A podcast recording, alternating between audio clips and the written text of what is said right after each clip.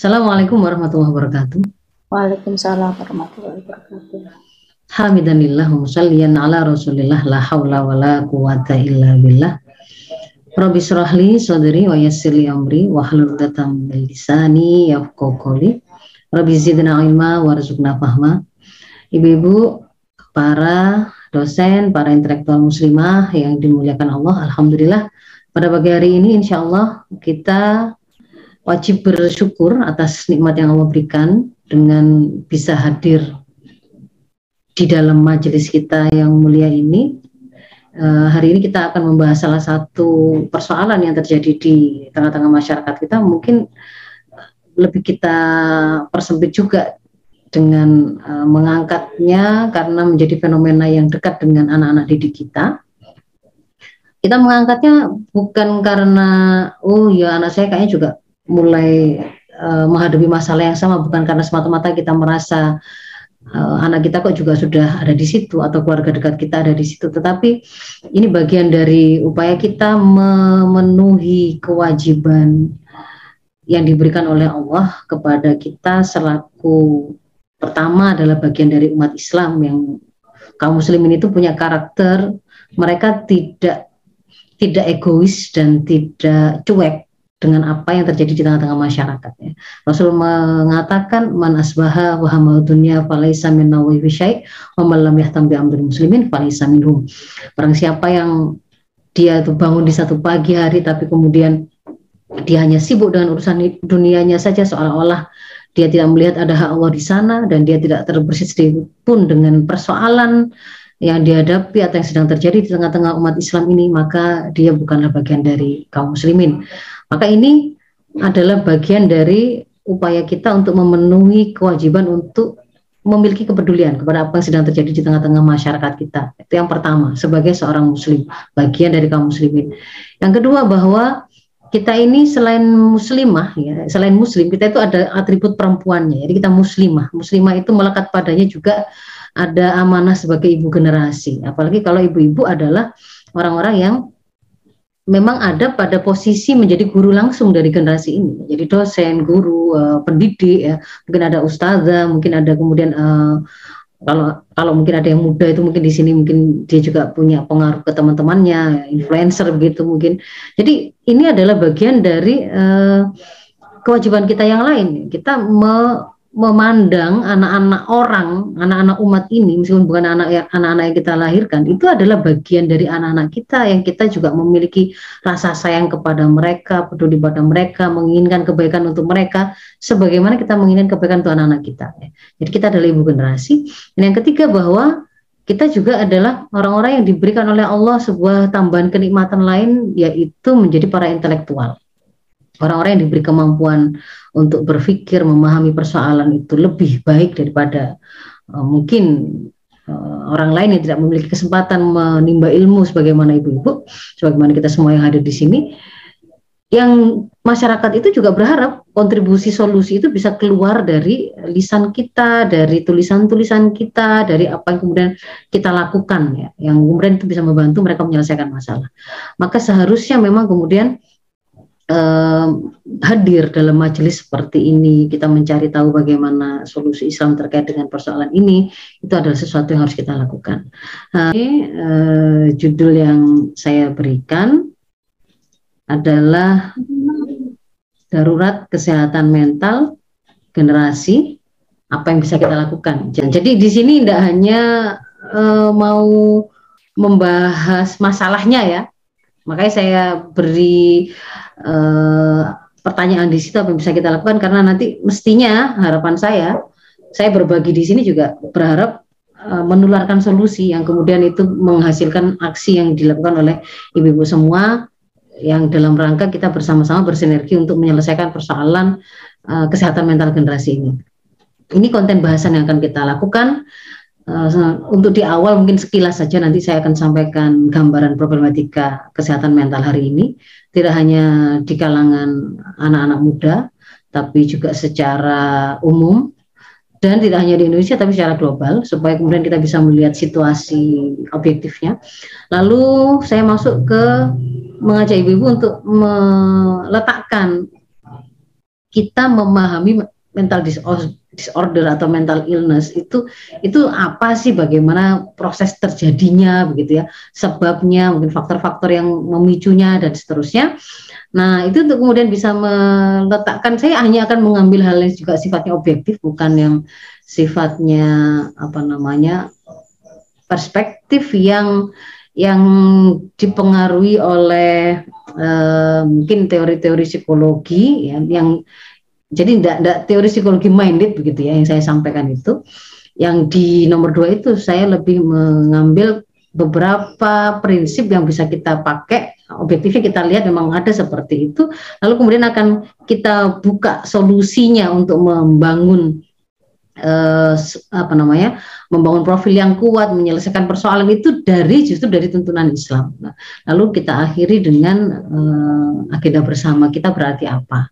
Nah kalau kemudian kita mau mencoba membaca situasi global maupun situasi nasional kesehatan mental hari ini saya awali dari yang tadi sudah disampaikan ini sekilas saja. Jadi ini memang survei survei kesehatan mental yang pertama yang dilakukan untuk eh, apa namanya responden remaja usia 10 sampai 17 tahun di Indonesia. Dan hasilnya ternyata memang me me mengejutkan sekali. Ternyata jadi masih baru ini ya.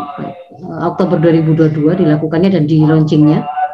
Satu dari tiga remaja itu ternyata mengalami masalah kesehatan. Ada mental health mental health matters gitu kalau mungkin uh, bahasa Inggrisnya. Sementara kalau yang satu dari 20 itu sudah ada gangguan. Berarti di sini sudah mulai uh, ada ada tidak hanya ada gejala, tetapi sudah mengganggu tampilan dia menjalani hidup, gitu ya. Itu jumlahnya kalau dikonversikan itu lumayan itu ya. Jadi kalau di total semuanya yang mulai ada gejala-gejala atau tanda-tanda dengan yang sampai kemudian e, mengalami gangguan sampai mempengaruhi perilakunya itu 17 jutaan, angka yang cukup besar. Dan e, bentuknya seperti apa? Yang terbesar itu adalah depresi, lalu kemudian eh, ini kecemasan ya. Yang pertama itu kecemasan, lalu depresi mayor, lalu gangguan perilaku, lalu trauma pas eh, gangguan stres pasca trauma. Nah, dan ketika dikaitkan dengan COVID, ada pertanyaan yang kemudian disampaikan terkait dengan COVID, bagaimanakah keadaan mereka?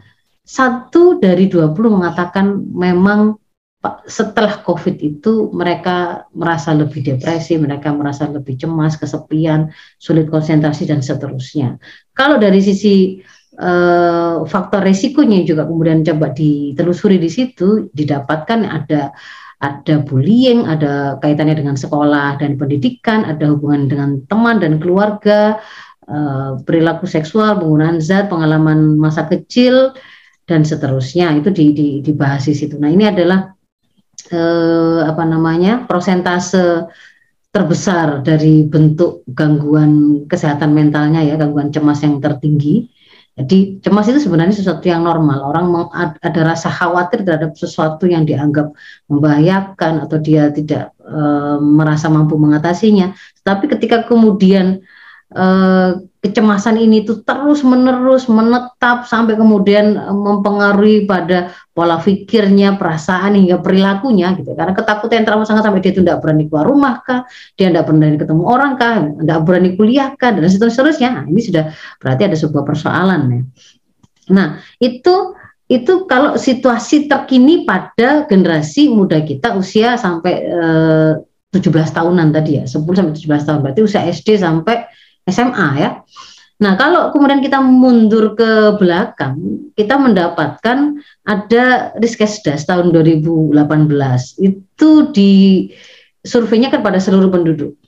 Ternyata kemudian eh, ada angka yang juga kita dapatkan di tahun itu juga sudah sudah lumayan besar gitu ya. Lebih dari 19 juta penduduk yang usianya lebih dari 15 tahun itu sudah mengalami gangguan mental emosional. 20 juta ya cukup sangat besar. bahkan lebih besar dari penduduk satu negara ini ya. Kalau hari ini kita menemukan ada banyak negara yang penduduknya hanya 4 juta, 5 juta, 10 juta ini ini lebih besar dari itu. Kemudian lebih dari 12 juta mengalami depresi. Lalu ada juga sistem registrasi sampel Badan Litbangkes pada 2016 itu juga didapatkan ada 1.800 orang atau kalau setiap harinya ada lima orang bunuh diri dan pelakunya jumlah terbesarnya ternyata adalah usia produktif ini ya, 10 sampai 39 tahun. Nah, ada juga yang eh, apa namanya sebuah info yang disampaikan oleh Direktur Pencegahan dan Pengendalian Masalah Kesehatan Jiwa dan Nafsa dari Kemenkes itu mengatakan bahwa di Indonesia ini prevalensi orang dengan gangguan jiwa itu satu dari lima penduduk. Jadi kayak punya potensi mereka bisa mengarah pada gangguan masalah gangguan jiwa meskipun nanti nggak harus gitu ya. Nanti kita kita akan bahas.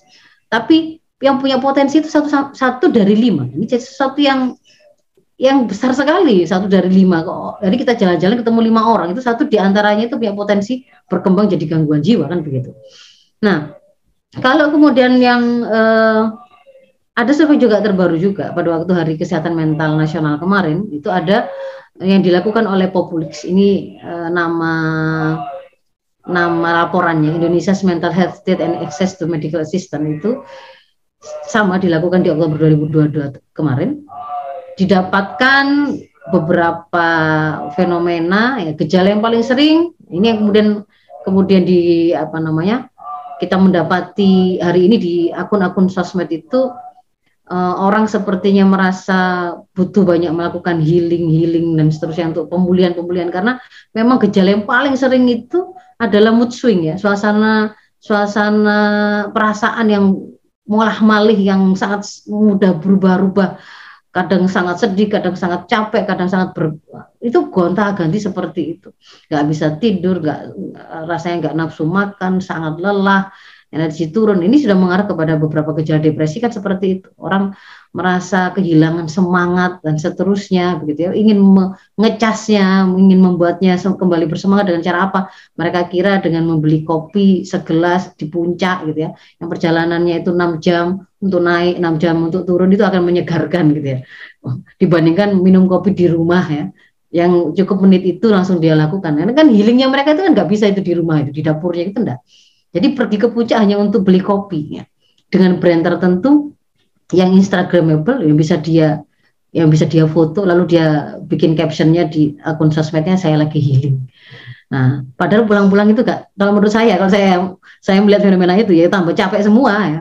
Ngopi di dapurnya aja lebih lebih sederhana dan lebih enak itu 6 jam macet-macetan di jalan hanya untuk ngopi itu saya kira ya itu uh, jiwa kewarasan saya meronta-ronta kalau menemui fenomena seperti itu. Nah ini itu di ini uh, yang orang dewasa tadi itu banyak-banyaknya mereka stresnya itu karena persoalan ekonomi, karena kesendirian, tekanan kerja, ada trauma, ada tekanan dengan partnernya atau kemudian atau partner atau pasangan ya, uh, mungkin pernikahannya dan ada terkait dengan pertetanggaan. Nah, itu Indonesia gitu ya. Nah, situasi seperti itu, gangguan kesehatan mental kayak begini ini apa apa situasi yang dihadapi di Indonesia ini saja atau bagaimana? Malah kalau kemudian kita lihat petanya ini eh, saya ambilkan dari ini ya, sumbernya di bawah itu ya ada tulisannya di tahun 2019 justru kita menemukan kalau lihat dari peta ini warna untuk kasus Indonesia itu persentasenya sedikit pada wilayah-wilayah lain, ya Australia, justru kemudian kita menemukan di Eropa, di Amerika itu malah warnanya lebih gelap. Artinya di sana malah lebih banyak. Tetapi kalau kita buka petanya ini ternyata seluruh dunia kan ada yang kosong, yang putih itu tidak ada. Jadi semuanya juga sedang mengalami situasi ada persoalan gangguan mental di tengah-tengah masyarakat mereka. Nah, ini semuanya sudah berwarna begitu kan ya. Nah, yang kemudian terbesarnya juga ternyata kecemasan dan depresi itu paling sering seperti itu. Dan kalau secara global, global ini bukan hanya di negeri-negeri Muslim ya, justru kemudian ada korelasinya juga dengan penggunaan alkohol dan obat-obatan. Nah, ini adalah uh, uh, gambaran lebih di zoom begitu ya, lebih dis, dispesifikan kalau per negara. Jadi Inggris, negara-negara Eropa ini semuanya juga rata menghadapi situasi uh, gangguan kesehatan mental masyarakatnya dengan angka tertingginya sama itu ada pada kecemasan dan depresi. Kecemasan dan depresi kalau yang biru-biru itu kan uh, pokoknya ada satu kondisi yang berkaitan dengan kesehatan mental dia dimasukkan. Nah, ini kalau kita lihat di data di Amerika, Amerika ini tidak hanya persoalan kesehatan mental ini menjadi masalah di orang dewasa. Orang dewasa itu hampir sebelum COVID itu sudah 20 persen eh, orang dewasa di sana itu mengalami mental illness. 20 persen itu kan ya lumayan besar. Jadi dari 100 orang 20-nya itu mengalami gangguan mental itu kan ya luar biasa. Kemudian ketika ketika ada apa namanya ada COVID tambah angkanya itu tambah naik, tambah naik dan ini tidak hanya di Amerika, di Inggris juga satu dari an, enam anak di Inggris itu memiliki persoalan gangguan kesehatan mental di tahun 2021. Ya. Jadi satu dari enam itu kan ya juga.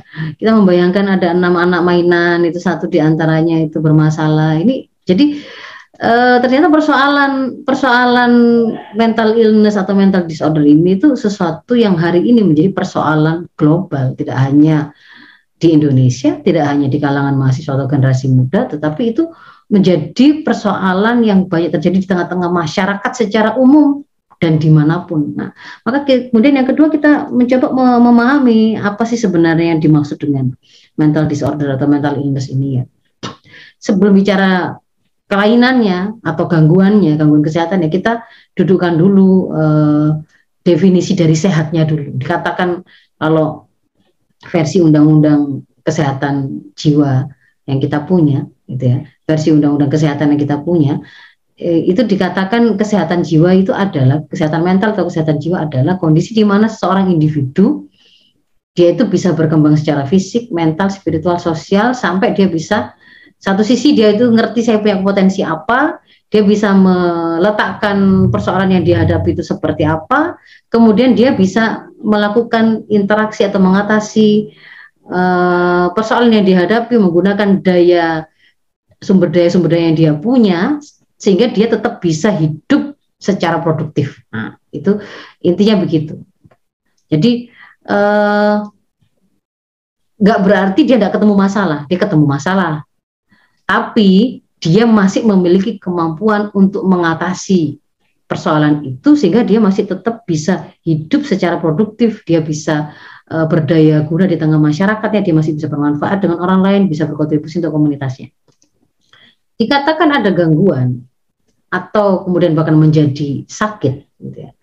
Sebenarnya tidak usah bingung antara mental illness atau mental disorder ini bedanya apa? Karena kalau pada prakteknya sebenarnya dua terminologi ini tidak dipakai eh, dipakai gantian begitu, dipakai gantian dan dan bisa jadi memang tumpang tindih kecuali pada praktisi-praktisi eh, kesehatan mental yang kemudian memang membutuhkan untuk pendetilan ya.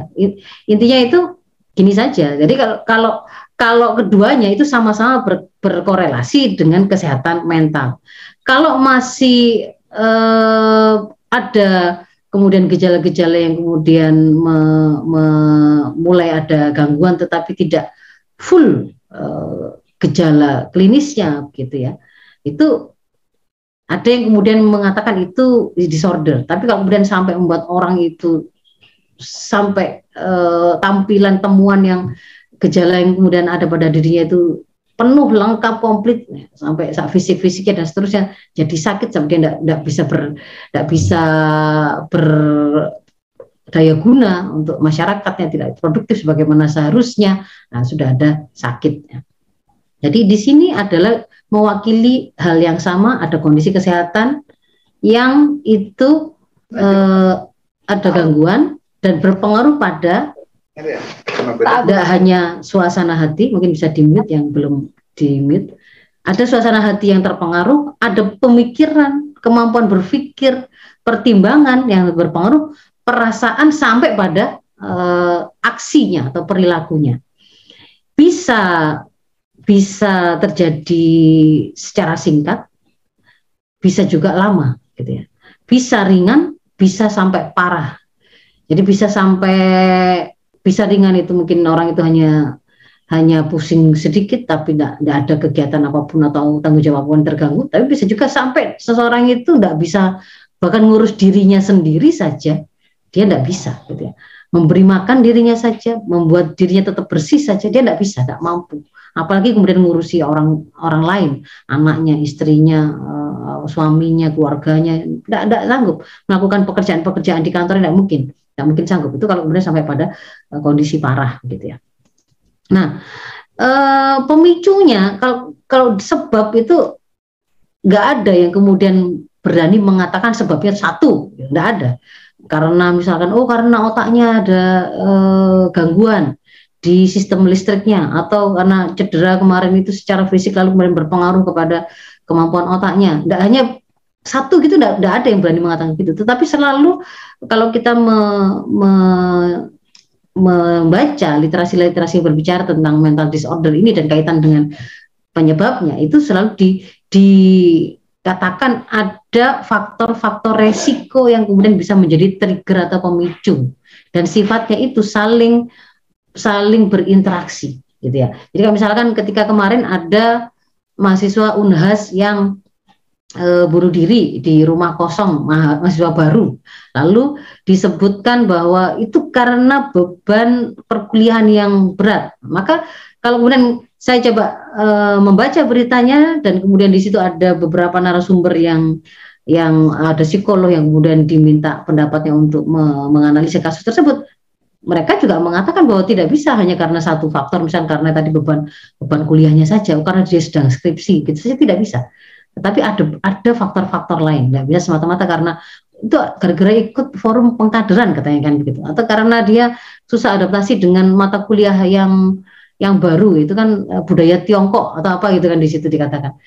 Jadi di situ faktornya itu banyak pemicunya dan mereka saling berinteraksi. Ada faktor genetik. Nanti ketika ada orang tua saudara di keluarga inti itu memang kemudian yang mengalami sakit mental begini. Misalkan skizofrenia gitu, gila gitu.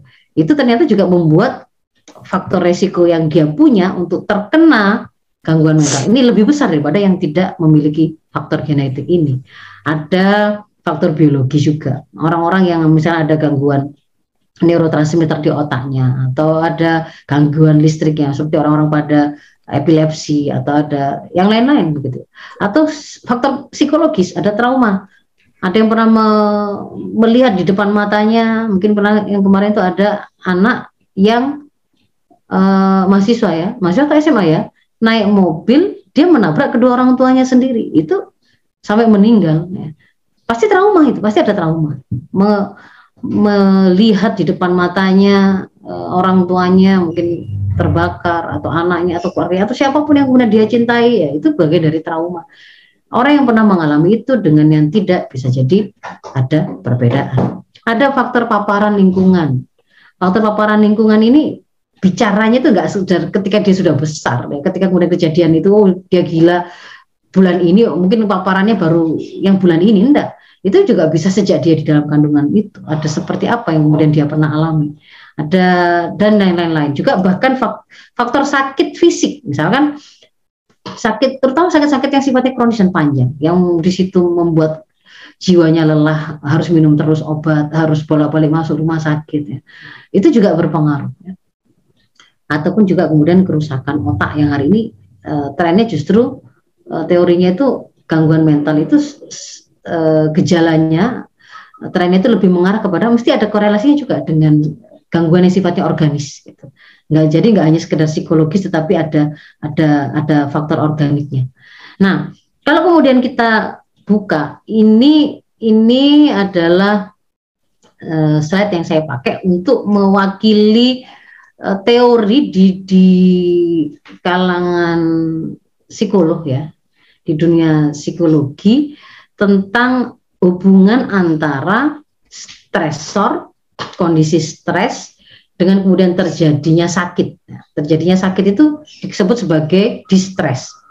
Kalau kemudian dia bertahan, nah, dia eustress, dia kembali normal. Nah, itu si pencetus ininya utamanya pertamanya itu adalah sel Y. Ya, Kalau dia menekankannya semakin besar stresor, jadi semakin besar eh, serangan-serangan uh, yang membuat yang yang, yang menimpa seseorang, yang memapar seseorang, itu nanti akan mempengaruhi kepada uh, situasi hasil akhirnya. Dia akhirnya berhasil berhasil mengatasinya dengan GAS. GAS itu General Adaptive Syndrome.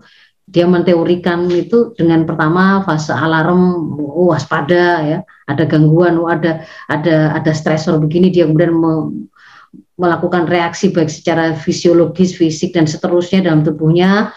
Lalu ada lanjut kalau masih oh ternyata masih stres masih jalan, ada fase kedua mulai dia mulai lebih kuatkan lagi perlawanannya, tapi pada saat yang sama berarti sumber daya yang dia punya sudah mulai menurun, ya, kemampuan kemampuan dia untuk melawan stresor tadi sudah mulai menurun, sampai kemudian kalau masih diteruskan lagi stresor itu tidak hilang-hilang, dia ada pada fase yang ketiga yaitu kelelahan, fase kelelahan sehingga kemudian dia akhirnya jatuh sakit. Itu kalau si si selnya. Lalu kemudian ada berikutnya penerusnya itu ada Lazarus yang kemudian menambahi nah, antara antara stresor yang memapar ke seseorang sampai kemudian sakit itu ada sebuah proses mental yang menurut dia itu berpengaruh kepada terjadinya stres. Proses e, mentalnya ini itu dilakukan dengan adanya sebuah appraisal atau penilaian. Penilaiannya itu dua dua macam gitu ya, dua tahapan. Pada waktu terjadi stresor pertama ada e, first appraisal, ada appraisal primer yang akan dilakukan pendalaman, penilaian awal yang kemudian dilakukan bahwa apakah memang stresor itu sebuah masalah bagi saya atau enggak? Dibully orang, dihina orang, apakah itu suatu masalah bagi saya? Oh enggak, enggak terlalu masalah. Misalnya kalau kemudian saya tidak menganggap masalah, ya sudah enggak ada masalah, selesai enggak dilanjutkan. Tapi kalau kemudian lanjut, iya itu masalah, masalah bagi besar bagi saya. Saya sampai enggak berani ketemu orang misalnya begitu. Lalu masuklah ke appraisal yang kedua, penilaian yang sekunder. Yang kedua, dia akan melihat kalau memang itu adalah masalah, saya punya sumber daya seperti apa untuk kemudian menyelesaikan masalah itu? Sanggup nggak saya itu me mengatasinya? Nah, itu itu yang kemudian e, mempengaruhi kepada akhirnya apakah dia itu nanti jatuhnya pada berhasil mengalahkan si stresor ataukah tidak. Jadi bisa jadi stresornya sama, bencana sama-sama mengalami bencana, gitu, ya. sama-sama mengalami bencana alam, gempa.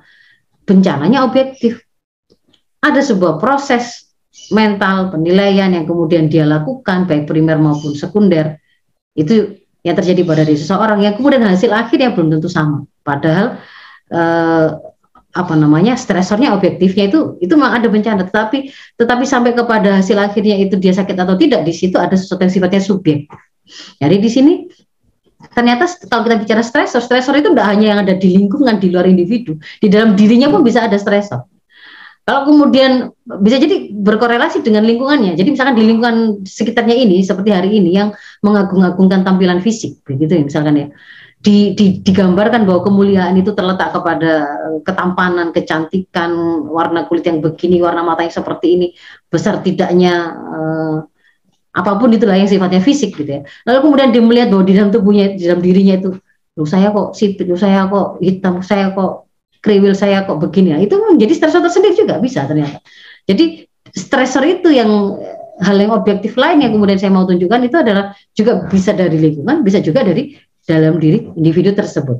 Lalu ini juga hal yang eh, tadi yang saya katakan ini bisa kita ambil sebagai suatu hal yang objektif untuk kita kita capture itu adalah bahwa ketika stresor terjadi maka kemudian menimpa individu individu itu akan meresponnya baik itu secara fisik secara kejiwaannya, secara sosial maupun secara spiritualnya. Dari respon ini itu yang kemudian nanti akan membuat dia jatuh pada stres atau tidak stres. Nah, kalau pakai pakai bahasa lain, jadi di sini ada untuk sampai jatuh kepada akhirnya orang itu terganggu atau tidak kesadaran mentalnya, itu ada interaksi antara persepsi terhadap tekanan dan persepsi terhadap daya tahan. Kalau kemudian uh, dia ada pada keseimbangan untuk bisa me melihat bahwa tekanan itu menurut saya meskipun berat bisa saya hadapi kalau saya naikkan daya tahan daya tahan saya menghadapi dirinya ya tetap aja nggak akan sakit mau dinaikkan lagi e, masalah yang dihadapi tapi kemudian dia juga memiliki daya tahan yang lebih besar lagi selevel dengan persoalan yang dihadapi atau bahkan lebih besar itu pun juga nggak akan sakit gitu. Jadi tidak tidak pada besar kecilnya masalah tidak semata-mata pada besar kecilnya masalah. Tapi di sini ini juga bicara tentang bagaimana daya tahan yang dimiliki oleh seorang. Kalau kemudian persoalan yang dihadapi itu tidak bisa ditanggung oleh daya tahan yang dia punya, di situlah baru ada sakit itu. Nah, hari ini, hari ini, ini fenomena yang menurut saya juga sangat mudah untuk difahami dan ini objektif juga. Gitu ya. Terkonfirmasi dengan fakta yang bisa kita kita buktikan, kita indera sendiri. Bahwa di tengah-tengah kehidupan kita, lingkungan kita itu namanya stresor itu Stresor itu uh, kalau bahasa Surabaya ini telecehan gitu Bu ya, berserakan di mana-mana. Apa pun itu bisa jadi stresor dan banyak. Hal-hal yang sebenarnya itu mungkin dulu itu enggak enggak jadi masalah atau seharusnya enggak pernah menjadi masalah gitu ya. Ya kayak misalkan tadi itu uh, masalah rambut keriting atau lurus gitu ya. Itu kan sebenarnya enggak itu kan bukan sesuatu yang jadi masalah begitu. Tapi tapi ketika kemudian itu dipimpin oleh sebuah sistem dengan persepsi yang berbeda, gitu ya, dia memberikan makna yang berbeda terkait dengan kecantikan, keutamaan, kemuliaan. Ukuran itu ternyata kemudian dia meletakkan bahwa kalau kamu kurus, wah itu, wah itu adalah sebuah kemuliaan. Orang akan melihatmu itu uh, keren, uh, cantik begitu sebagai simbol dari kebaikan. Sementara kalau kemudian tidak seperti itu, gemuk, meskipun sehat itu kemudian menjadi sesuatu yang dipandang rendah itu akhirnya karena diajari seperti itu ada orang yang sampai berlomba-lomba tidak makan dan bahkan bertahan untuk makan dengan hanya tisu supaya dia memenuhi kriteria cantik dalam konteks kehidupan hari ini. Nah masalah itu saja loh ya bisa jadi masalah gitu. Nah sementara individu-individunya itu yang tadi ibu bilang hari ini kok kita menemukan generasi stroberi ibunya kan tampilan fisiknya sih keren-keren sekali, keren banget itu. Kelihatannya barang-barang yang nempel di tubuhnya branded. Terus pokoknya orang pasti mencita-citakan kayaknya enak jadi orang itu. Apa pun kayak tinggal dia tunjuk, menyenangkan hidupnya, tidak ada masalah kayak gitu ya. Ternyata begitu dia kena masalah sedikit saja. Ada yang di Palembang itu mahasiswa 6, 6 bulan yang lalu ya, itu bunuh diri karena tidak diterima balik ke mantannya, misalnya. Langsung bunuh diri ada yang kemudian menghadapi persoalan skripsi yang gak selesai-selesai, itu juga bunuh diri. Jadi ini tampilan fisik kelihatan keren, glowing, tapi ternyata sangat lemah, sangat sangat rapuh. Ini fenomena yang juga hari ini kita temukan banyak. Jadi kemampuan uh, kemampuan individu untuk melakukan respon itu sangat rendah. Sehingga akhirnya hasilnya itu banyak yang stres gitu kan? Dan ini dan ini saya katakan di awal ini meskipun nanti pembuktiannya saya di belakang mental disorder atau illness hari ini itu adalah keniscayaan peradaban sekularisme kapitalisme. Mungkin ini kayak sebuah klaim.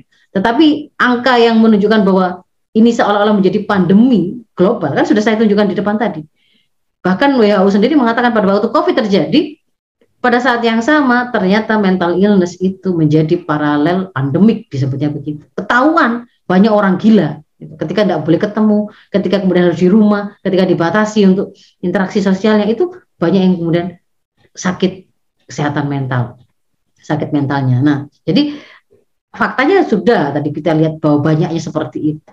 Cuman kemudian membuktikan bahwa itu adalah keniscayaan peradaban sekularisme kapitalisme nanti akan terjawab juga pada penjelasan saya berikutnya. nah, sekarang kalau memang seperti itu ya kita sudah mendudukan beberapa hal yang bisa oh petanya begitu ya orang itu sampai akhirnya jadi terjadi gangguan mental itu seperti itu. Maka bagaimana mensolusinya kan begitu kan ya?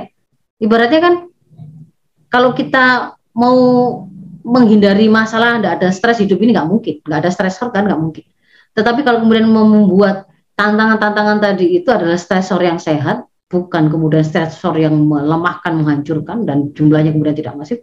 Satu sisi kemudian juga kita bisa melahirkan individu-individu yang kuat profilnya, ada daya dukung untuk mereka yang siap di sekitarnya. Itu gimana kan gitu. Ini bagaimana caranya kita akan buka tuntunan Islam. Saya awali dengan mengingatkan kenapa kok buka tuntunan Islam, kenapa kok nggak ngambil tips and tricks dari teori-teori kejiwaan atau psikolog atau apa gitu ya kalau ibu-ibu googling cara mencegah gangguan mental, pasti ibu akan menemukan solusi yang sifatnya itu praktis seperti pastikan tetap olahraga, gaya hidup sehat, istirahat yang cukup, makan yang bergizi, e, berteman, lakukan hobi yang disukai. Begitu-begitu saja, Bu. Pasti itu akan seperti itu. Coba dilihat nanti. Silakan googling sendiri. Akan ketemu begitu. Tapi saya akan menyampaikan persepsi uh, perspektif yang berbeda yang mencoba untuk mendalaminya lebih lanjut. Dan itu dimiliki oleh Islam. Kalau kita memiliki mafhum Islam, baru kita akan bisa mendudukannya seperti ini, gitu. Seperti yang akan saya sampaikan. Jadi kenapa kok kemudian kita harus membuka tuntunan Islam? Saya ambil satu dalil ini saja, meskipun ada banyak seharusnya. Ya karena kalau kalau kita ngaku mukmin gitu ya, kita punya masalah apa pun yang kita berselisih tentangnya, yang kita mau cari solusinya, konsekuensi keimanan yang kita ikrarkan itu adalah kita harus mengambil apa yang dituntunkan oleh Rasul yang di, yang dibawa oleh Rasul syariah yang dibawa oleh Rasul tersebut. Dan nanti kalau kemudian kita sudah mendapatkan penjelasannya di sana, maka kita sami'na wa atokna. Kita akan ambil dan akan kita laksanakan tanpa kita merasa keberatan sedikit pun. Nah, kalau kemudian kita buka uh, tuntunan Islam terkait dengan bagaimana seharusnya manusia muslim generasi muslim itu berprofil gitu ya. Maka mereka tuh harusnya itu seperti ini. Mereka itu adalah orang-orang yang hamba Allah ya, karena dia diciptakan oleh Allah. Dia sadar betul dia punya dia punya kesadaran bahwa dia itu diciptakan oleh Allah bukan tanpa sengaja, tapi dengan sebuah visi misi penciptaan tertentu, dia harus mengabdi dan menjalani hidupnya sesuai dengan aturan Allah. Dia harus siap untuk menjadi pengelola bumi sesuai dengan tuntunan Allah, sebagaimana, sebagaimana di Al-Baqarah 30, ya. Ketika Allah menciptakan Adam pertama kali, dikatakan Allah hendak menciptakan uh, khalifatul fil ard. Padahal ada malaikat, tapi tidak disebut malaikat itu yang akan mengelola bumi, tapi Adam, manusia supaya kemudian dia mengatur bumi ini sesuai dengan aturan Allah. Mengatur apa pun yang kemudian uh, mengelola bumi ini, memimpin pengelolaan bumi ini itu sesuai dengan tuntunan Allah. Jadi di situ berarti nanti ada profil-profil yang harus ada pada generasi kita siapa yang kemudian punya kemampuan mengeksplor lautnya, hutannya, tanahnya, tambangnya dan seterusnya kan begitu kan ya, yang memimpin semuanya sebagai kepala negara ataupun apa pun itu. Nah, mereka juga adalah orang-orang yang terjaga fitrahnya, tidak melenceng. Kita itu anak-anak surga, kita itu terlahir dalam keadaan fitrah. Insya Allah mempertahankan fitrah kita, fitrah kita itu adalah kita itu akan beriman kepada Allah dan taat kepadanya, itu fitrah kita. Mempertahankan fitrah itu mestinya lebih mudah daripada menyesatkannya atau menyimpangkannya. Jadi mengajak anak-anak kita, mengajak bahkan membuat diri kita itu taubat dan kembali kepada fitrah kita itu sebenarnya lebih mudah karena kita itu lahir dalam keadaan fitrah. Mamin mauludin illa yuladu alal fitrah. Tidaklah ada satu bayi pun yang lahir di muka bumi kecuali dia terlahir dalam keadaan fitrah. Dan yang berikutnya generasi muslim itu harus kuat, harus tangguh. Gak boleh kita itu meninggalkan generasi di belakang kita itu yang lemah kan. Nah itu di Anisa 9. Dan istimewanya lagi bahwa bahkan kita itu di, diciptakan oleh Allah itu menjadi generasi yang bisa menopang kehidupan umat secara global karena kita itu khairu umma ukhrijat linas uh, uh, umat terbaik yang dilahirkan untuk seluruh umat manusia. Jadi memang kualitas global, kualitas world class ya, world class personality begitu ya. Kepribadian kita itu berkelas dunia. Apa yang membuat kita itu sampai kemudian bisa menjadi umat terbaik itu ya karena kita adalah penegak amar ma'ruf nahi mungkar kita itu selalu berdiri atas kebenaran meskipun kita ada di mana pun posisi kita gitu. mau jadi pejabat atau mau jadi rakyat mau jadi pemimpin ataukah yang dipimpin mau jadi suami ataukah istri mau jadi anak atau orang tua mau jadi profesi apa pun itu kekhasan kita sebagai umat Islam yang membuat kita menjadi khairul ummah itu karena kita melakukan amar ma'ruf nahi munkar. Maka kalau kemudian kita cermati pada perjalanan sejarahnya pun yang namanya kaum muslimin generasi muslim ini itu memang adalah orang-orang yang kemudian menjalankan tugas-tugas besar. Jadi tidak ada hidupnya itu hanya untuk apa bing watching kalau anak-anak sehari ini ya. Seharian nonton serial drakor itu dari pagi sampai pagi lagi. Mungkin break sebentar hanya untuk sholat. Tapi kemudian lanjut lagi. Nggak ada kayak gitu itu. Tapi kita itu adalah yang berpikir besar tentang bagaimana menyelesaikan persoalan yang ada di yang ada di Afrika. Masa kelaparan kok dari tahun berapa sampai tahun berapa kemudian tidak selesai-selesai. Benarkah kalau kemudian itu terjadi itu karena memang itu nasibnya si orang Afrika kenapa kok lahir di Afrika? Apa memang begitu Guna Allah menetapkan memang ini orang nasibnya itu yang itu memang terlahir adalah miskin, kelaparan sampai kiamat nanti. Apa memang seperti itu? Apa memang benar begitu?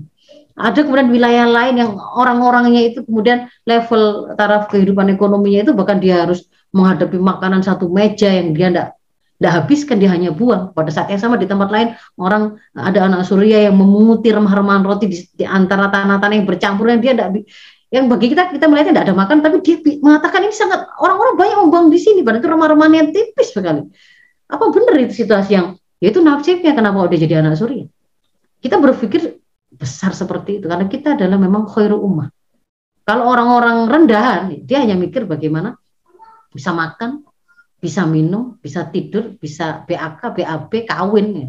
Itu sama persis seperti mau ayam, mau monyet, mau siapa pun hewan apa pun ini kayak begitu. Jadi kalau kemudian hidupnya seorang mukmin kayak begitu, tidak layak karena dia dia berbeda gitu ya. Jadi dia peng, perubah peradaban, dia pemimpin kebangkitan, dia pelaksana kemaslahatan kemaslahatan di tengah masyarakat. Dia yang kemudian akan membuat orang bisa melihat ke apa namanya mulianya kehidupan yang dibawa oleh Islam sampai kemudian dia bisa menyebar menyebarkan mengembannya ke seluruh alam orang bisa melihat oh kesejahteraan itu eh, mereka dapatkan ketika dengan Islam. Nah itu gambaran profilnya kan harus seperti itu seharusnya. Dari mana eh, dari mana profil yang seperti itu kita dapatkan? Nah kalau kemudian kita buka di Ibrahim 2425 ini ada sebuah apa namanya perumpamaan tentang satu bangunan, tapi bukan bangunan bangunan bangunan gedung ya, tapi ini adalah sebuah uh, pohon, gitu ya, bangunan barang hidup ya. Itu pohon yang kokoh. Gambarannya itu adalah seperti kalau Allah itu membuat perumpamaan itu kalimat toyibah itu dikatakan sesuatu itu kokoh kuat itu kalau apa ibaratnya itu seperti kalau pohon itu akarnya itu kuat menghujam ke bumi kokoh sekali jadi dia punya pijakan yang kuat, kok sampai nggak goyang-goyang, nggak mudah goyang gitu kan ya. Mau kena angin, mau kena badai, mau kena banjir di atas, dia tetap kokoh, akarnya kuat, menghasilkan sebuah uh, pohon yang menjulang ke langit, kokoh besar, bisa buat orang bernaung.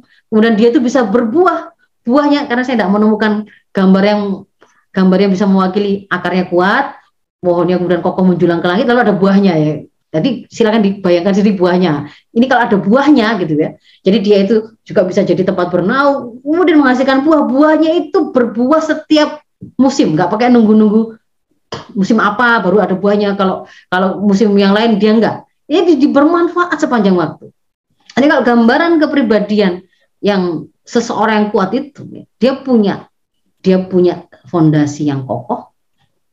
Yang fondasi kokoh itu mengantarkan dia memiliki bangunan pohon kepribadiannya itu juga. Kemudian kuat menjulang ke, atas mem, sampai menghasilkan tampilan-tampilan buah-buah yang unggul yang bermanfaat bagi orang dan itu berlangsung terus-menerus. Ya. Jadi kalau kemudian kita mengatakan eh, ketangguhan atau keunggulan itu kalau pada diri pribadi seseorang itu kita menyebutnya dia tidak mudah menyerah misalkan. Dia itu lemah lembut tapi pada saat itu sama dia tegas dia itu rajin ibadah nggak perlu pakai disuruh. Dia juga menolong. Dia kreatif. Dia disiplin. Dia dia itu khusyuk. Dia menjaga kehormatan dirinya. Tapi pada saat yang sama dia punya rasa malu yang tinggi untuk melakukan kemaksiatan. Dia profesional. Misalnya begitu ya ini kita sebutnya sebagai buah sebagai kebaikan-kebaikan sebagai karakter baik kalau hari ini. Katakan karakter-karakter itu. Maka ini ibaratnya adalah buahnya? Buah ini kalau memang perbadiannya itu kokoh, tangguh yang seperti di kamar di pohon tadi, itu bisa kita temui sepanjang musim, nggak pakai nunggu. Oh dia memang rajin sholat malam kalau di pondok. Waktu dia waktu dia sekolah sih, setiap sekolah pasti dia sholat duha berjamaah. Tapi ketika liburan ternyata enggak, nah, ini berarti tidak berbuah sepanjang musim ini. Kalau tangguh unggul ya memang harusnya mau dia di pondok, murojaahnya bagus, dekat dengan Qurannya bagus, ibadahnya bagus, waktu liburan pun juga sama tetap sama seperti itu. Pada waktu dia kecil dia kita bilang soli soliha, pada waktu dia kuliah dia, dia berumah tangga dia punya anak dia jadi nenek dia jadi siapa pun ya tetap gitu. Itu namanya berbuah sepanjang musim. Nah ini dihasilkan dari mana pohon yang kokoh? Pohon yang kokoh itu adalah eh, dia dilahirkan dari sebuah kesadaran bahwa memang saya wajib menghiasi diri saya itu dengan ifah, menjaga kehormatan, punya sifat penyayang, lemah lembut ketika bicara pada orang, begini, begini, begini, begini, sebagai bagian dari aturan hidup yang saya pilih, sebagai bagian dari sifat-sifat yang harus saya lakukan dari diri saya, itu bagian dari syariat, itu bagian dari jalan hidup yang saya pilih. Yang itu saya pahami dari pemahaman yang saya punya, itu pola pikir saya, yang kemudian setelah saya pahami begitu, saya gunakan untuk mengikat hawa nafsu saya, pola sikap saya, jadi tampil dalam perilaku saya. Dan kenapa kok saya punya gambaran pohonnya seperti ini? Ya karena berawal dari sebuah kesadaran bahwa saya ini adalah hamba dari Allah yang maha menciptakan saya, kehidupan dan dunia ini, semesta ini, dan seterusnya. Jadi kalau tadi dikatakan gambaran dari kalimat toyibah itu, yang ditafsirnya kalimat toyibah itu adalah tauhid dua itu maka uh, fondasi dari kepribadian Islam yang kokoh dari anak-anak kita itu adalah akidah Islam. Berawal dari tauhidullah itu benihnya, benih itu kemudian kita berkecambang, kemudian menjadi keluar akarnya, akan itu adalah akidah Islam. Lalu akan memunculkan di atasnya itu bangunannya yang mungkin kalau kita lihat itu tampilannya adalah cara berpikir dia, cara bersikap dia, dan sampai akhirnya membuahkan uh, menghasilkan buah-buahan yang bisa kita lihat sepanjang musim itu adalah sikap-sikap, sifat-sifat, karakter-karakter kuat yang kemudian kita bisa ambil, bisa panen dari diri pribadi tersebut. Nah dari sini kita mendapati ada lima hal yang akan mengokohkan untuk membangun profil kuat anak-anak kita atau generasi muslim itu ada lima hal ini. Yang pertama kalau dari si pohonnya sendiri tadi ya akidah kuat sebagai akar, lalu itu menghasilkan kesadaran bahwa kalau saya itu muslim ya berarti saya harus mengambil jalan hidup syariah, tuntunan Allah.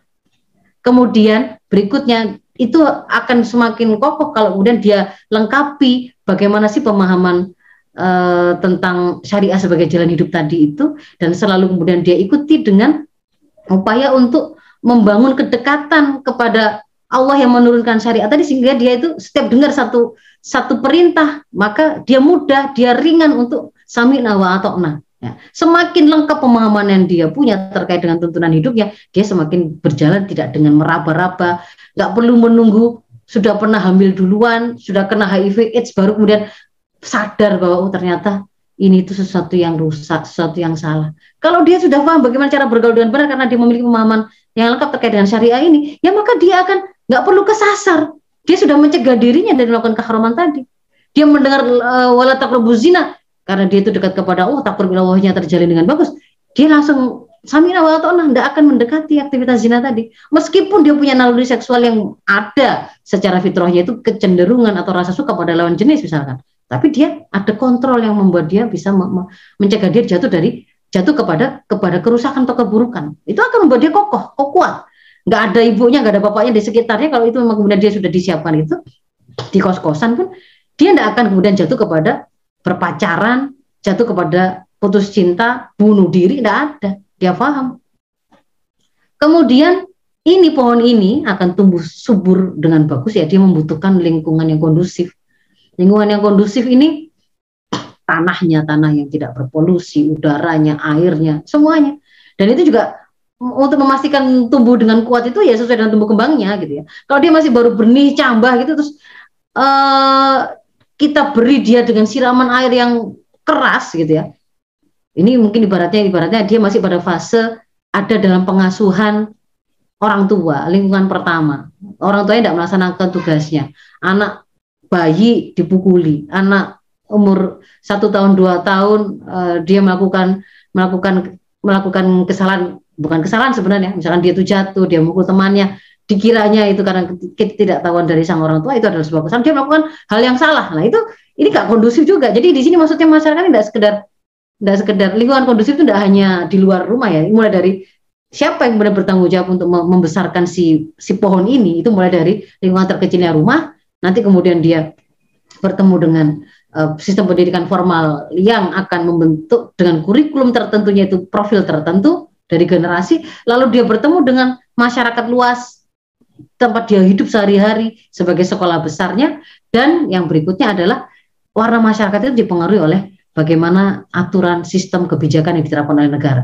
Kalau negaranya ngeramut rakyatnya, ya dia akan bagus. Negaranya melindungi anak-anaknya, generasinya, warga negaranya dari kerusakan. Ada ide-ide sesat, dia dia apa namanya dia cegah. Ada orang jualan narkoba dia cegah. Ada yang memproduksi film porno dia berusaha hilangkan. Itu akan menguatkan ini tadi tumbuh subur. Tapi kalau kemudian yang terjadi masyarakatnya juga masyarakat yang rusak sesat tidak sesat itu semuanya sama-sama bisa ditawarkan. Anda mau ngajarin bully ya boleh, mau dalam bentuk film boleh, dalam bentuk sinetron boleh. Anda mau bikin uh, konten TikTok yang isinya ngasih tips bagaimana caranya gonta-ganti pasangan kawin ala kucing kompleks tapi tidak merasa baper, tidak merasa tidak ada hati yang ketinggalan di dalam pasangannya tadi itu ada kita menemukan. Itu sekolah besarnya masyarakat sekolah besarnya anak-anak kita itu adalah masyarakat. Nah jadi dari situ ibu-ibu kita paham bahwa kunci awalnya kekuatan generasi dan tidak hanya nanti tidak hanya generasi orang per orang bahkan pada masyarakat itu berawal dari akidahnya. Konsep bahwa segala sesuatu ini itu ada awalnya. Awalnya itu siapa? Adalah Allah al Khalik al Mudabbir al Azali tidak berawal tidak berakhir. Allah. Apa pun yang pernah terjadi sandarannya kita mendapati ada kekuasaan yang oh menurut saya itu besar kali nggak ada bencana. Oh tidak bisa saya tanggung. Ada yang lebih besar dari bencana ini ada yang kemudian misalkan melakukan penekanan kepada kita atasan kita misalkan. Dia me me me mengancam dengan suatu ancaman tertentu menurut kita itu sudah satu masalah besar.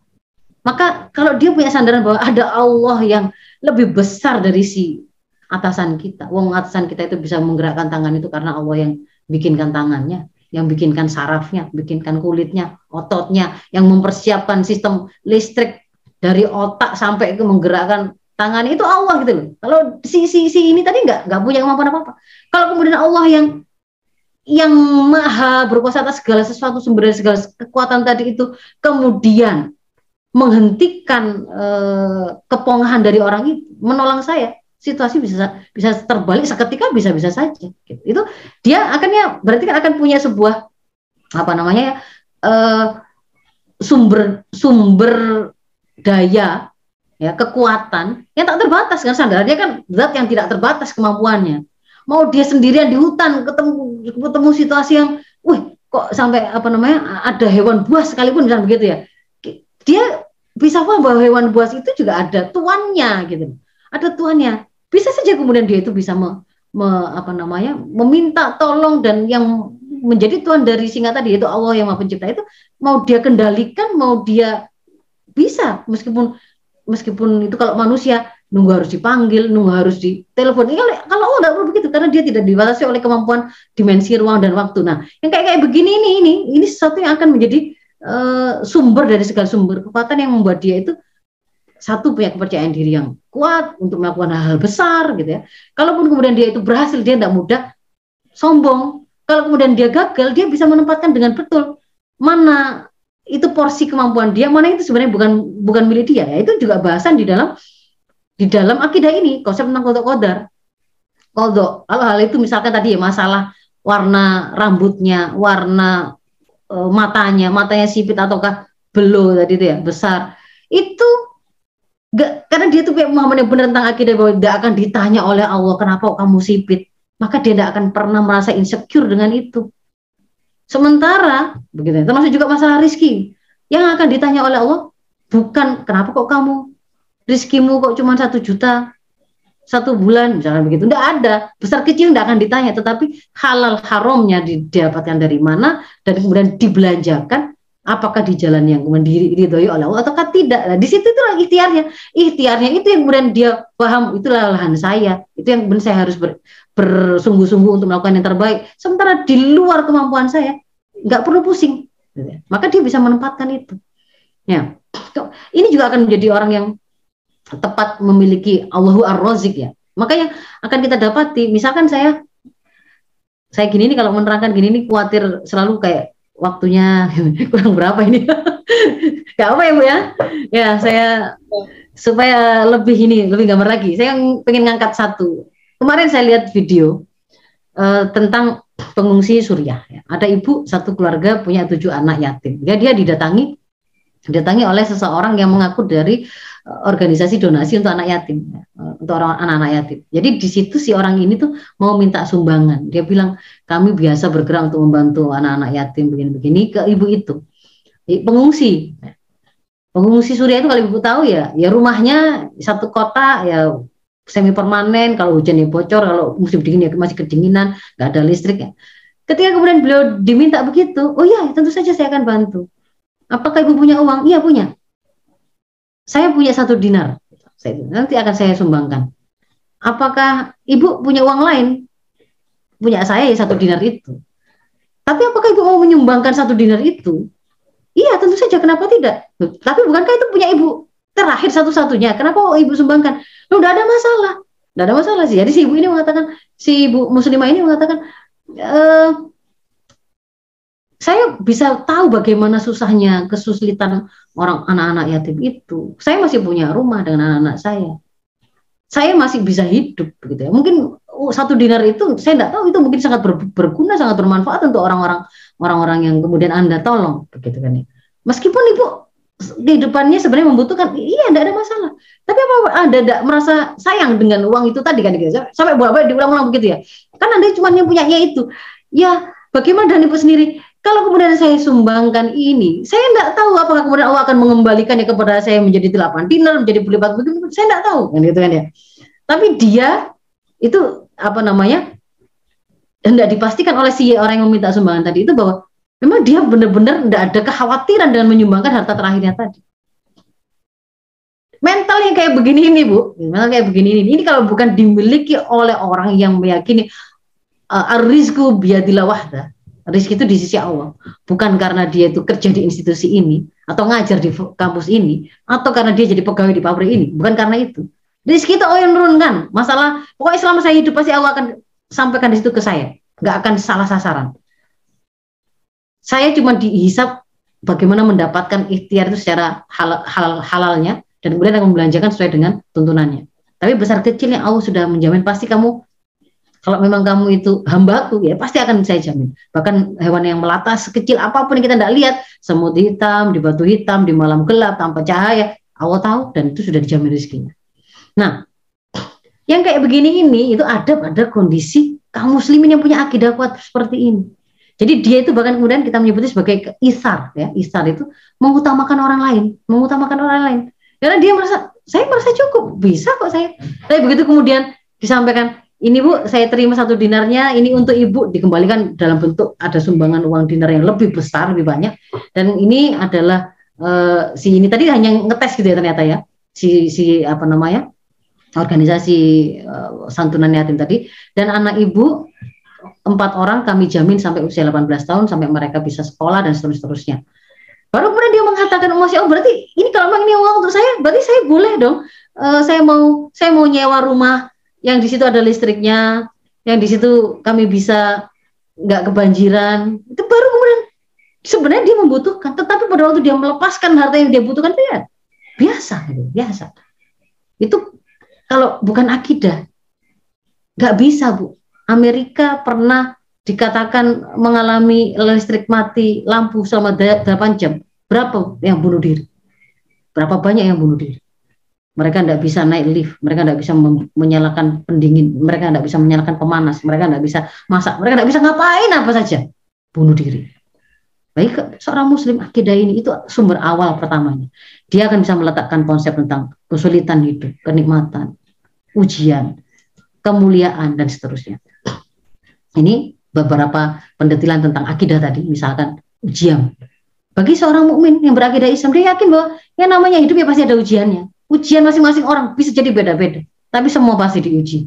Tidak akan kemudian dia merasa menjadi orang paling malang sedunia paling menderita sedunia tidak ada yang seperti saya menderitanya. Dia ke mana-mana cerita tidak ada kayak begitu. Dia merasakan oh, oh sendiri yang ngasih tahu kok. Allah yang akan menguji kamu. Menguji dengan kematian menguji dengan asyar. Menguji juga dengan al khair dengan kebaikan.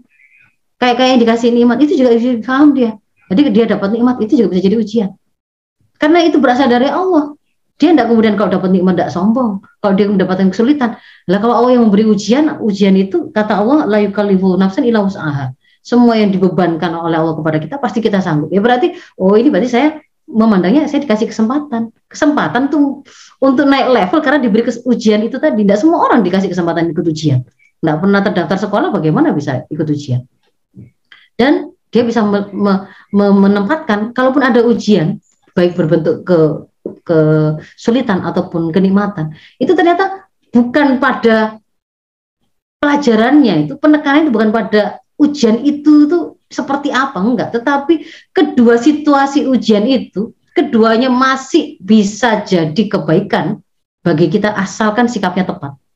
Ketika dapat kesulitan dia bersabar maka itu akan jadi kebaikan kalau dia mendapatkan kenikmatan, kemudahan, rasanya kelapangan, dia bersyukur, maka itu menjadi kebaikan. Jadi mau kaya, mau miskin, tidak ada masalah. Dua-duanya tetap bisa menjadi kondisi baik. Sama-sama tetap menjadi kondisi yang bisa mengatakan dia pada kemuliaan. Asalkan kemudian dia memilih sikap yang tepat sebagaimana diajarkan. Nah, ketika kemudian dia juga mendapati situasi-situasi sulit di kehidupan dunia ini, apakah itu ujian, apakah itu apa pun itu ya. Tadi kan ada, ada beberapa stresor di antaranya persoalan ekonomi, persoalan dengan pasangan, persoalan dengan keluarga, persoalan dengan tempat kerja atau apa pun. A atau bahkan pun hari ini ada orang-orang tertentu yang sampai pada tataran fisiknya yang diujinya, sakit yang lama, ada yang dipenjara, disiksa yang lama, dan seterusnya. Maka ketika kemudian seorang itu berakidah Islam, dia dia bisa melihat peta peta jalan hidupnya itu. Si dunia ini selama lamanya selama-lamanya di sini nih masih lebih panjang perjalanan setelah kehidupan ini, setelah kehidupan dunia. Ada banyak perjalanan yang harus kita tempuh dan itu nanti yang yang setelah mati itu akhirat itu selama-lamanya nggak akan ada akhirnya. Kalau di sini persoalan eh, gembi, bahagia atau tidak bahagia itu bedanya sangat tipis, sangat tipis. Anak habis lari mainan bola itu dengan perasaan gembira, tertawa, senang gitu, ya. tiba-tiba jatuh, detik yang berbeda, dia mungkin ada patah tulang, nangis. Jadi antara kesenangan dan kesedihan kalau di dunia ini memang seperti itu. Sifatnya itu, gonta-ganti. Justru kita merasakan ini nikmat karena sudah lama kita tidak merasakan kenikmatan itu. Coba terusan, sifatnya kan nisbi. Dikasih maka, misalnya makanan yang sangat disukai itu apa? Paling enak misalkan dia mengatakan itu daging stick kasih terus itu. Lama-lama dia tidak akan merasakan kenikmatan. Tetapi kalau kemudian yang hakiki nikmat hakiki sengsara hakiki itu di akhirat. Maka dia melihatnya itu kalau di dunia ini kalaupun sengsara dia akan bisa melihat itu sebentar saja dia tidak akan menyerah. Ketika ada hal besar yang bisa dia dapatkan dari kesabarannya. Kalau dia mendapatkan sebuah kenikmatan dia tidak kemudian sombong sampai kayak Fir'aun sampai kayak Korun begitu yang merasa sangat hebat. Padahal bisa seketika hilang oh, itu juga bukan bukan darinya itu dari dari Allah sang pemilik asal dari kekayaan itu. Dia tidak akan sombong tapi tetap kemudian tetap dalam ketaatannya. Karena dia mengejar bagaimana ke, kenikmatan ini akan menjadi mengatakan pada kenikmatan yang hakiki dan lebih panjang abadi di akhirat nanti. Nah jadi itu Contoh akidahnya Bu ya. Kalau kemudian kita lihat berarti di sini nih karakter individu muslim yang tangguh yang tadi bangunannya seperti yang saya terangkan ini akarnya benihnya tauhidullah, akarnya akidah atau iman, lalu kemudian menghasilkan pola pikir, pola sikap islami sehingga kemudian produknya di atasnya itu ada buah karakter yang tangguh begini. Ini disiapkan melalui proses pengasuhan pendidikan sesuai tahapannya melibatkan tidak hanya orang itu, tidak hanya uh, apa namanya keluarganya begitu. Jadi sesuai tumbuh kembangnya nanti itu ya semua manusia itu kan punya ini, punya akal, punya naluri, punya kebutuhan fisik. Kuat itu ya berarti harus dipenuhi semuanya karena mau menciptakan ada ini. Hanya disuruh apa ada kemudian pernah bertanya begini, kok bisa ya kan muslim, kok bisa kemudian dia itu kok jadi anak yang rapuh ya kan dia muslim atau bahkan ada itu pengemban dakwah loh itu itu iya loh kok bisa ya dia kok gila Ya bisa jadi kelemahannya bukan pada di sininya, tetapi dia fisiknya mungkin lemah. Ya, itu juga berpengaruh. Atau kemudian akalnya, atau kemudian naluri lainnya itu ternyata tidak pernah terpenuhi. Jadi dia tidak pernah merasakan merasakan hidup e, disayangi, dihargai, mendapatkan pemenuhan e, rasa secure, aman gitu ya. Karena sejak kecil dia juga selalu dipukuli, selalu dihina, selalu misalnya begitu. Ya bisa gitu. Jadi ini ya semuanya harus dipenuhi dengan pemenuhan yang benar kalau mau kokoh. Mohon maaf Bu Faiza. Oh iya iya. Baik, ya baik. Nah, dan itu di, di akan disempurnakan oleh lingkungannya itu adalah masyarakatnya. Masyarakat itu adalah ini. Masyarakat itu juga ternyata ujungnya apa warnanya itu tergantung kepada akidah apa yang menghasilkan peraturannya. Jadi masyarakat itu kan e, definisinya adalah individu-individu yang banyak, mereka saling berinteraksi interaksinya itu sifatnya terus menerus, bukan sekedar bertemu sebentar lalu buyar gitu ya.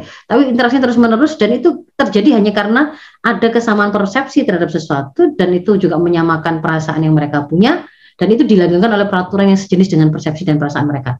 Mereka benci pada mereka memahami atau persepsi mempersepsikan bahwa pencurian itu haram, maka mereka juga benci ada pencurian di tengah-tengah mereka.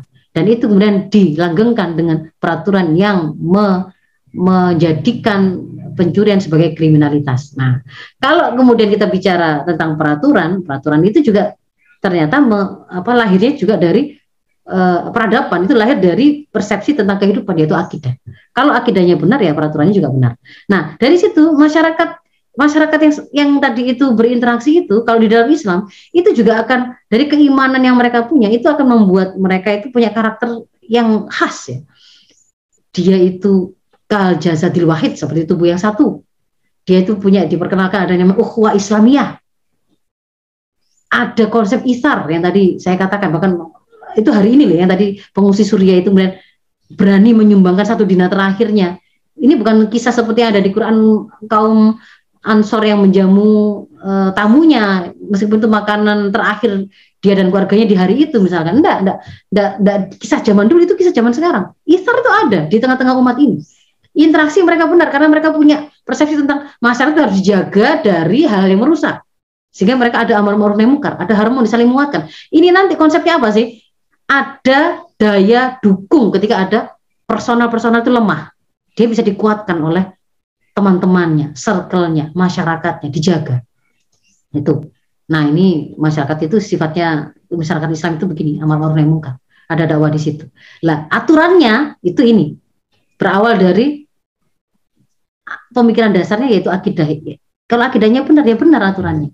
Kalau dalam Islam sudah kita buktikan karena akidah ini adalah akidah yang sohi sesuai dengan sesuai dengan memuaskan akal, sesuai dengan uh, fitrahnya manusia dan dia menenangkan hati, maka aturan-aturan yang muncul ini itu menjadi solutif sumber kebaikan, bukan malah jadi masalah gitu. Gak malah tambah bikin orang itu uh, kesejahteraannya itu seperti ter apa gapnya itu sangat tinggi sehingga kemudian malah memunculkan memunculkan kebiasaan satu sisi flexing, satu sisi merasa hasad, satu sisi kemudian dan seterusnya. Itu nggak nggak baik gitu. Kalau misal ini jadi penyelesaian syariat tadi itu dan itu akan menjadi rahmat.